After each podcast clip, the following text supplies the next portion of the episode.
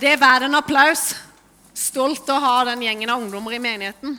Fantastisk å høre på dere og synge sammen med dere. Ja vel, konfirmanter. Er dere lei av å sitte? Går bra. Jeg lovte deg i dag at det skal tale sånn at de skjønner det. Ikke vel? Jeg må si Det er en veldig bra gjeng. Vi har det gildt sammen. Vi har hatt et par samlinger. Og allerede første gangen så begynte de å stille spørsmål. Det liker jeg. Det, det er gildt at de liksom ikke bare sitter der. Jeg har sagt denne tida her skal vi bruke sammen til å gruble, og de skal ha lov å stille spørsmål, og det er lov å være uenige. Ikke sikkert jeg har alle svarene en gang når de kommer med spørsmål. Men det er tid til å finne ut av ting, og det er bra. Det er bra å stille spørsmål. Overskriften i dag, den er 'Veien'. Så Derfor har Kirsten Helene pynta litt med litt skilt for at dere skal huske temaet. Temaet er rett og slett 'Veien'. Og Da vil jeg begynne bare med en liten historie, bare for å få dere til å henge på. Eh, jeg vet ikke, Der dere bor, er det kanskje mye asfalt og sånn? De fleste har kanskje asfalt rundt. I hvert fall når jeg var liten og vokste opp på Løvjomås, Løvjomås så var det ikke mye asfalt. Det skal jeg love dere. Og eh, på den tida, Det høres nesten ut som det var i gamle dager, men på den tida fikk jeg faktisk lov å sykle til barnehagen. Eh, og For at jeg skulle komme til barnehagen, så var det ja, mye er det, ca. halvannen kilometer med utforbakke, tenker jeg. Og den bakken den er liksom ikke litt, den er ganske bratt. Det er den. Grusvei ganske bratt. Og eh, jeg tenkte yes, i dag har jeg fått lov å sykle til barnehagen. Så var det bare det at eh, jeg var ganske kry, for jeg hadde arva sykkel. arva sykkel av ei kusine av meg. Og det var gørstas å få ny sykkel. Eh, jeg så ikke helt det at den sykkelen burde jeg kanskje ha venta to-tre år med før jeg kunne sykle på. Jeg var bare gørrkry, for jeg hadde fått meg en ny sykkel. Den sykkelen var veldig spesiell, for når jeg tenker nå tilbake, så var den veldig lang. Sånn kjempelang gaffel. Rett lang gaffel. Og så var greia det at hvis jeg skulle sykle på den, så kunne jeg ikke sitte på setet, for det rakk jeg ikke ned med beina. Så jeg måtte stå og sykle. Setet det var sånn der svært med sånn tjukke fjører og sånn. Så jeg husker jeg liksom fikk pappa til å holde på den, så jeg kunne teste ut setet, men jeg kunne ikke klare å sitte på det, for det rakk jeg ikke ned med beina. Så jeg var klar for å sykle til barnehagen. Og jeg gleda meg for å komme til barnehagen og vise denne nye sykkelen. Greia var bare det at når jeg først hadde sykla halvannen kilometer før jeg kom til utforbakkene, så begynte jo de De er ikke så veldig tjukke nå heller, de beina, men de var i hvert fall veldig tynne da. de begynte å bli ganske slitne. Når det var kommet halvannen kilometer, hadde stått og sykla hele tida. Og når jeg da skulle stå i hele utforbakken òg, så var jeg kommet nesten ned til barnehagen, og der var det en haug med vaskebrett. Vet dere hva vaskebrett er? Dere som bare sykler på asfalt, dere vet ikke. Dere er litt eldre. det ser dere nikker. Ja, Det betyr veldig mye humpler. Og det var enormt mye humpler akkurat rett før jeg kom ned til barnehagen. Jeg var nesten kommet fram, og beina begynte å riste nå da jeg kom med de vaskebretta og var sliten fra før av. Ikke kunne sitte på setet. Det som skjedde, var selvfølgelig at jeg flata rett ut, seila henover grusen. Den tida var det ikke sykkelhjelm. Og jeg skrapte meg opp her og her, og her jeg så ut som ei kjøttkake, rett og slett, når jeg kom ned i barnehagen. Sånn var det. Det var lov å sykle til barnehagen den gangen. Men jeg ga meg ikke. Jeg ga meg jo ikke. Det var ikke sånn at jeg aldri sykla etterpå det. Jeg reiste meg opp igjen, fikk vaska på med plaster. Og så tenkte jeg nei, jeg ville jo på veien igjen. Jeg ga meg ikke opp. Jeg ville på veien igjen. Og vet du noe, Når jeg tenker på livet mitt, så tenker jeg på en måte òg litt på det men, Jeg ser for meg en vei. Jeg vet ikke hvordan det er åssen med du. Men når jeg tenker på livet mitt, så ser jeg for meg en vei. Da trenger jeg litt hjelp. Marte, kan du komme og hjelpe meg? Og Hanna? For at du skal huske litt, og jeg skal illustrere litt her. Skal vi se. Hanna, hvis du bare holder den, ikke, ikke ruller noe på den, men bare holder, så kan Marte stå bak her etter hvert, for den begynner å bli litt lang. Ok, Jeg kunne ha lata som at det er vi som har tegna de tegningene. Det er det ikke det er Anita Ravnåsen, for hvis jeg skulle ha tegnet, så hadde det blitt strektegninger. Så dette er Anita. Ok, Her ser dere. Dette er året 1977. Det er det året jeg ble født. Da kom jeg til verden. Litt krøller på toppen. Sånn var det. Det var liksom starten. Så har vi her eh, Dere som er på min alder, dere husker kanskje de der runde sirkusgrindene holdt jeg på å si, med sånn der eh, fiskemønstergarn i. eller noe sånt. Kanskje er det noen her inne som har vært i sånn grinder? Ingen? Er det bare meg som ble putta i grind? Kan skjønner skjønne det. I hvert fall så ble jeg putta i sånn ei grind innimellom. Skjønner kanskje det, ja. Eh, men så var det det at jeg har en tre år eldre bror, og han fikk så fryktelig vondt av meg når jeg måtte sitte inni ei grind. Så han kom på en god idé. Han fant jo ei saks, og så klippa han hull. Så, Så at jeg kunne klatre ut av den grinda. Veldig lurt. Ja. Her har vi med som ca. 15-16 år, tenker jeg. Det var den dagen jeg husker jeg, at jeg hadde hørt mye om Jesus, gått på søndagsskole, hørt mye om han. Men jeg var 15-16 år, da bestemte jeg meg for at Jesus han vil jeg finne ut av litt mer om. Han har jeg lyst til å bli mer kjent med. Han på en måte vil jeg ha med i livet mitt. Var, da var jeg rundt, ja, rundt 14-15 år. Så går vi litt fortere fram i livet. Her, her, har vi da Ole Georg Laurak. Yes, han, han, så faktisk ut som en konfirmant når vi gifta oss, men Ja, det var bryllupet vårt. Og her, hvis Hanna går litt lenger hen, bare ta med deg hele rullen, så kanskje Nei, den veien. Med litt mer på scenen. Her ser dere, her er det en trist dag i mitt liv. Det er den dagen når mormora mi døde. Det er sånn en dag som jeg husker, for det var en veldig trist dag i mitt liv. Min mormor var jeg veldig glad i. Hun var mitt store forbilde. Så det var en trist dag i mitt liv. Så går vi litt videre. Det er ikke så lenge siden jeg fylte 40. Så det, det, er liksom dit vi er kommet i livet. på en måte. Det var sånn kjapt mitt liv. ok? Jeg ser for meg livet mitt som en vei. Takk for hjelpa. Da kan dere få lov å sette dere, så bare legger vi den ned.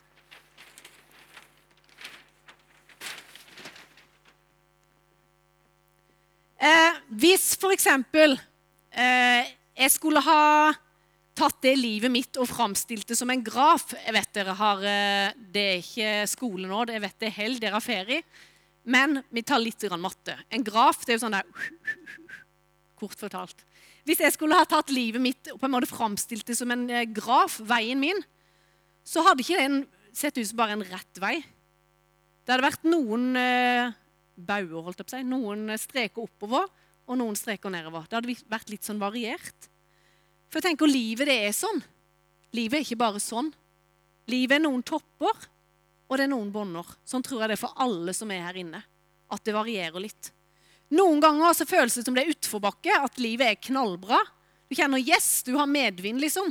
Nå er det bra. Livet er herlig. Det kan være at du har det bra på skolen, passe mengde lekser. Du har det bra på jobben din. Du har det bra i familien din. Ting er greit på hjemmebane. Du er liksom passe utfordringer i livet. Da kan du føle at da, da er livet bra. Det er en sang som musikklaget synger. Den er sånn at det er lett å leve på toppen av fjellet når du kjenner fred i hjerte og sinn. Da kan livet være lett. Men andre ganger så kan det være litt mer sånn oppoverbakker. Ting kan virke håpløst. Du kan kjenne på mismot. Du kan kjenne på tunge dager. Livet er rett og slett kjipt og tungt. Det kan være tanker som eh, bekymrer deg. Ting som har skjedd i fortida di. Åssen skal framtida bli? Åssen skal egentlig veien videre bli? Det virker nesten som det bare er i oppoverbakke, men til og med kanskje mye svinger. Du kjenner nesten at du blir helt kvalm. Neste sving er nesten uholdbar. Og jeg har opplevd i mitt liv òg at det har vært tider der rett og slett har gått på hodet i grøfta. Kanskje jeg har tatt valg. Jeg har dritt skikkelig på draget. Jeg har gjort ting som kanskje Nei, det var ikke bra for meg i det hele tatt. Dette burde jeg ikke ha gjort. Og en kan kjenne det i livet at det er lettere å komme på kanten av veien når du kanskje er sliten og trøtt. Da kan det oppleves mye fortere å komme på kanten av veien. Jeg tok et uh, bibelsøk og skrev 'veien' i forhold til Bibelen. Hvor mange ganger det står nevnt om veien i Bibelen. 181 plasser står det om veien i Bibelen. Og Det jeg skal snakke litt om i dag, det er Jesus. Han snakka om veien med disiplene sine. Og det som vi skal ha nå, det skjedde litt før Jesus ble arrestert, og at han ble hengt på korset. Altså Du får liksom historien. Og han snakker noe om at han skal gå vekk, at han ikke skal være med sammen med disiplene lenger. Skal lese det. Det står i Johannes 14, 1-7. Så sier Jesus.: La ikke hjertet bli grepet av angst. Tro på Gud og tro på meg. I min fars hus er det mange rom. Var det ikke slik, hadde jeg da sagt dere at jeg går og vil gjøre i stand et sted for dere. Og når jeg har gått bort og gjort et stand et sted for dere, så vil jeg komme tilbake og ta dere til meg, så dere skal være der jeg er. Og dit jeg går, der vet dere veien. Men da sier Thomas, Herre, vi vet ikke hvor du går hen. Åssen kan vi da vite veien? Og da svarer Jesus, Jeg er veien, jeg er sannheten, og jeg er livet. Ingen kommer til far uten ved meg. Har dere kjent meg, skal dere også kjenne min far, og fra nå kjenner dere ham og har sett ham. Disiplene, vennene til Jesus, de ble ganske forvirra her, ser jeg for meg. Og mente egentlig Jesus med dette? Han skulle gå vekk og gjøre stand et sted for dem. Han skulle reise fra dem. De skulle bli alene. Nå som de jo hadde hatt det så bra, nå hadde de vært sammen med Jesus en stund. De hadde opplevd at han metta 5000, de hadde opplevd at han gikk på vannet, de hadde opplevd at han gjorde mennesker friske. Ganske spennende ting. Og plutselig nå skulle han reise fra dem, sier han. De skjønte ingenting. Så skulle han komme og hente dem, sier han. Og så dit jeg går, der vet dere veien. Jeg vet ikke åssen eh, retningssansen din er. Men i hvert fall eh, i vår familie, hvis vi skal eh, kjøre noen vei, jeg er litt sånn stressa. Jeg må vite veiene. Jeg er litt sånn kontrollfrik på de tinga der. Så hvis vi skal noen vei, så må jeg inn på PC-en eller på mobilen. Og så bruker jeg sånn en app der GPS-greier, sånn som kan hjelpe oss å finne veien, liksom. Men greia er jo at jeg må jo vite hvor vi skal henne. Jeg kan ikke bare sette inn et spørsmålstegn, så, så viser GPS-en hvor vi skal hen. Jeg må vite hvor vi skal hen. Er dere enige om det? Ja. Men Jesus sa dit jeg går, vet dere veien. Men problemet var at de visste jo ikke veien. Jeg syns Thomas her, han ene vennen til Jesus, han er ganske kul, tenker jeg. For han sier det rett ut. Det er ganske befriende av og til når noen bare tør å si det rett ut. Alle sitter kanskje og tenker nei, dette skjønner ikke jeg noe av. Dette vet ikke jeg noe av. Men så bare sier Thomas eh, du, Jesus, vi vet ikke, og vi vet ikke åssen. Han bare tør å si det. Det jeg tror Jesus mente, det var at nå var tida kommet for at han snart skulle dø på korset. Og så skulle han stå opp igjen, og så skulle han reise til sin far i himmelen. Og så sa han at han ville gjøre i stand et sted for deg òg. Så lovte han at han skulle komme tilbake, og så skulle han ta deg med seg. Og Thomas sier jo da ja, men jeg vet jo ikke veien dit, Jesus. Men det er da Jesus kommer med svaret på hva som er veien. Han sier, ja, men Thomas, det er vi som er veien. Det er vi som er sannheten, og det er vi som er livet. Ingen kommer til Gud, ingen kommer til Far uten igjennom meg. Jesus sier at målet for reisen, det er far eller det er Gud. Og veien til Gud, veien til himmelen, den går gjennom Jesus. For meg så handler ikke livet her bare om min vei, som jeg viste litt av i stad på de tegningene. Det handler òg om at mitt liv er på en måte en del av en mye større vei.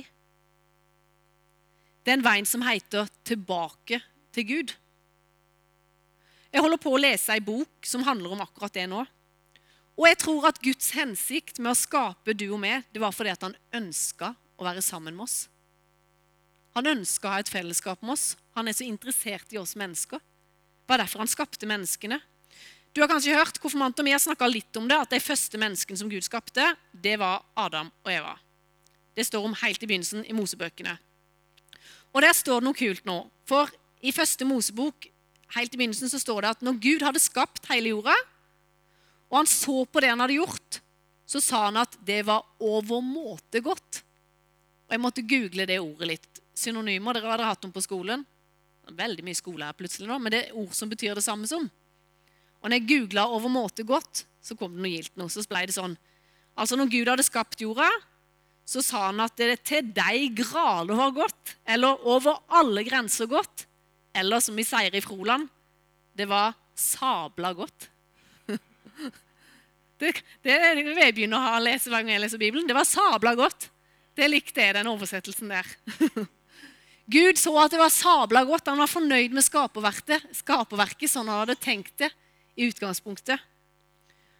Og så har vi snakka litt om det med konfirmantene, at det er lett å legge skylda på Gud når ting ser elendig ut rundt oss. Hvis vi kikker oss rundt i verden, så er det jo mye vondt. Det er mye vondt som skjer. Men Bibelen den peker på et utgangspunkt, en opprinnelig plan. Planen til Gud var at menneskene skulle leve i et godt og fantastisk og sabla bra fellesskap med Han. Det var Guds utgangspunkt. Det var sånn han tenkte det helt ifra starten av så er det jo sånn at vi mennesker vi er skapt annerledes enn resten av skaperverket. Er du enig om det? Eller sammenligner du det med en fisk i en bolle, liksom sånn gullfisk? Nei, jeg håper ikke det. Du er skapt. Du er skapt annerledes. Du er skapt med en intelligens. Litt, i hvert fall. Du kan være enig om det? Litt. Ja. Du har en oppfatningsevne og en selvbestemmelse. Gud sier det ikke sånn og fjernstyrer deg i himmelen. Ja, høyre nå, høyre, gå til høyre. Nei, litt venstre. Du har jo frie valg. Han bestemmer ikke over det. Små unger vet du, de er av og til sånn Hvis du tar deg i fersken på at de har gjort noe, så Nei, det var ikke vi som sa det, det var han som sa vi skulle gjøre det. Det er veldig liksom peker på å legge skylda på valg over på andre. Husker jeg gjorde det sjøl da jeg var liten. Det var alltid broren min som fikk skylda. Nei, det var han som sa vi skulle gjøre det. Det er fort å fraskrive seg ansvar. Men du velger. Du har et eget valg. Ingen bestemmer over du på dine valg. Det at vi er annerledes, gjør jo at vi tar våre egne valg. Og Adam og Eva de tok jo sine egne valg. De tok valg vekk ifra Gud. Og jeg tenker, Det kan være mange grunner til at vi mennesker tar steg vekk ifra Gud. Barndommen vår. Når Gud burde ha vært der, tenker du kanskje, men det føles som han ikke var der. Kanskje du har opplevd en behandling som barn ikke skal bli utsatt for. Det kan gjøre at vi tar steg vekk fra Gud. Kanskje du husker den dagen når det var mye krangling hjemme, dører som smalt, ord som såra, øyeblikk der du tenker at nei, nå svikta Gud meg. Han var ikke her. Kanskje du har hatt eh, behov for å bli akseptert og inkludert. Det har vi alle mennesker, tenker jeg. Men du ble stående alene på utsida og kikke. Kanskje du følte deg ensom. Kanskje ditt nummer i søskenflokken har gjort at du føler du ikke er blitt sett. Bekrefta du kan ha følt at du måtte prestere for i det hele tatt å bli sett. Kanskje du har opplevd dødsfall, tap, som du visste at dette kunne egentlig Gud ha gjort noe med. Men så er det av grunner som ikke vi forstår, så gjorde han ikke noe. Kanskje føler du nå at Gud har glemt deg. Noe har gått galt i livet ditt, og du har bedt og bedt, men ingenting skjer jo. Kanskje du er den typen som har mange sånne spørsmål du klarer ikke helt dette med Gud, for du får ikke svar på de intellektuelle spørsmålene dine. Skuffelsene dine. Kanskje kristne mennesker som har såra deg. Vet du, uansett grunnen til at vi føler oss langt vekk fra Gud, så er det alltid muligheter for å begynne en reise hjem igjen. Det er alltid muligheter for å ha en vei hjem til Gud igjen. Og For meg er det viktig å si at den veien det er noe den ikke er. Den veien handler ikke om å ta seg sammen og bli mer religiøs. Det handler ikke om at nei, nå må du skjerpe deg, nå må du bli en mye bedre person. Eller at du må kvitte deg med all tvil. For det tror jeg ikke vi opplever her på denne sida av evigheten. Der vil av og til komme tvil. Men jeg tenker at veien tilbake til Gud, det er for du som ønsker å oppleve og erfare en kraft som er større enn deg sjøl for å klare dette livet. Når Jesus når han sto der sammen med vennene sine, og de skjønte at nå skal Jesus straks reise fra oss, så sa han egentlig noe fint til dem. Han ga dem et løfte. Han sa det at fred etterlater jeg dere. Jeg gir dere min fred, ikke den fred som denne verden gir. Men Gud, nei, Jesus ville etterlate deg en fred som bare han kunne gi. Han tilbyr oss et liv sammen med han, en annen fred enn denne verden kan gi. Og som jeg sa innledningsvis, så er livet både oppoverbakker og det er nedoverbakker. Men det er en enorm trygghet det at du kan ha med deg en venn igjennom livet som tåler deg i alle situasjoner, og som faktisk har sagt at han vil være der. For meg handler det om å finne veien tilbake til Gud og erfare og oppleve en ubetinga kjærlighet som er så mektig at den kan forvandle måten både du tenker om deg sjøl på, og måten en tenker om andre på. Det å oppleve seg elska for den en er, at jeg er god nok. Gud elsker meg sånn som jeg er. Jeg trenger ikke prestere. Vet du, Det gir en frihet og en trygghet inn i livet. Jeg tror alle har følelser av og til, og en tenker Hva mener han om meg? Og tenker hun om meg? Og syns han? Hvilken plass er det til meg? Kan jeg være meg sjøl her? Og vet du noe? Åssen vi tenker om hvem vi er, det har faktisk mye å si for åssen vi nærmer oss en situasjon. Når du kom inn her i kirka i dag, kom du inn med tanken om at eh, ja, her hører jo jeg hjemme, jeg hører jo til her. Eller Her er det helt greit at jeg kommer på besøk. Eller kanskje noen kommer med tanken at nei, jeg kan jo egentlig ikke se sånn ut. Jeg kan jo egentlig ikke være sånn. Kan egentlig jeg komme i ei kirke? Det er mange, mange spørsmål på hvem du er, som har noe å si åssen livet vårt blir.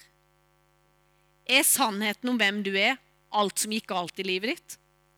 Av og til føler jeg nesten det kan være sånn en fight om to stemmer i hodet vårt. Den ene stemmen som bare vil trykke oss ned og ødelegge oss og si nei, du er ikke god nok, du er ikke bra nok, du har feila, du har gjort så mye dårlig. Så er det en annen stemme som sier jeg ønsker å gi deg tanker til framtid og håp. Jeg er glad i deg. Jeg bryr meg om deg. Jeg vil bare hilse deg og si at den stemmen som heier på deg, det er Jesus sin stemme. Han har bare tanker til framtid og håp for deg. Han har bare gode tanker for deg. Er sannheten om oss det vi fikser og alt det vi får til, da? Hvis ikke det er det nederlaget vårt, er da sannheten om hvem du er, alt det du fikser i livet? Definerer kanskje du deg som den morsomme, den gøye, den spreke, den flinke, den som fikser alt? Det er fort at vi sammenligner oss i klasserommet med hverandre. På idrettsbanen, på jobben, rundt forbi. Så plasserer vi både oss sjøl og hverandre i en slags sånn der, eh, rangstie. Og så blir det det som definerer hvem vi er. Men har du tenkt over at det er en vanvittig begrensende måte å leve livet ut ifra? For alt tar utgangspunkt i meg og jeg får til, eller hva jeg ikke får til. Vet du noe? Gud han tilbyr deg et annet liv. En annen identitet å leve ut ifra. Og det tenker jeg er så viktig at dere konfirmanter får med dere. For dere vokser opp nettopp i det som vi kaller for generasjon prestasjon. Mange unge sliter med at de skal prestere på alle arenaer. Til og med på sosiale medier skal en prestere. Og det kan være fryktelig slitsomt hvis dere skal leve ut ifra sannheten om hvem dere er ut ifra alt dere får til eller ikke får til. I Johannes 4,10 så står det dette er kjærligheten, ikke at vi har elska Gud, men at Han har elska oss og sendt sin sønn til soning for våre synder. Altså, Du kan få lov å leve ut ifra en annen trygghet om at du er god nok. At Gud kan få lov å fortelle du verdien på ditt liv. At du er elska for den du er, ikke det du ikke får til, eller det du får til. Men bare en sannhet om at du er god nok. Det er så viktig at dere får med dere den sannheten. Og jeg sier ikke at det bare er et knips, og så klarer jeg å leve ut, i den, ut ifra den. For jeg tror alle her inne av og til tenker på å nei, dette får jeg til, dette får jeg ikke til. Er jeg god nok? Er jeg ikke god nok? Men da tror jeg at Gud ønsker å komme med sine tanker inn til vårt hode og inn i vårt hjerte og minne oss på at det er vi som kan få lov å fortelle deg hvem du egentlig er. Jeg skapte deg med en hensikt. Jeg elsker deg. Du er god nok.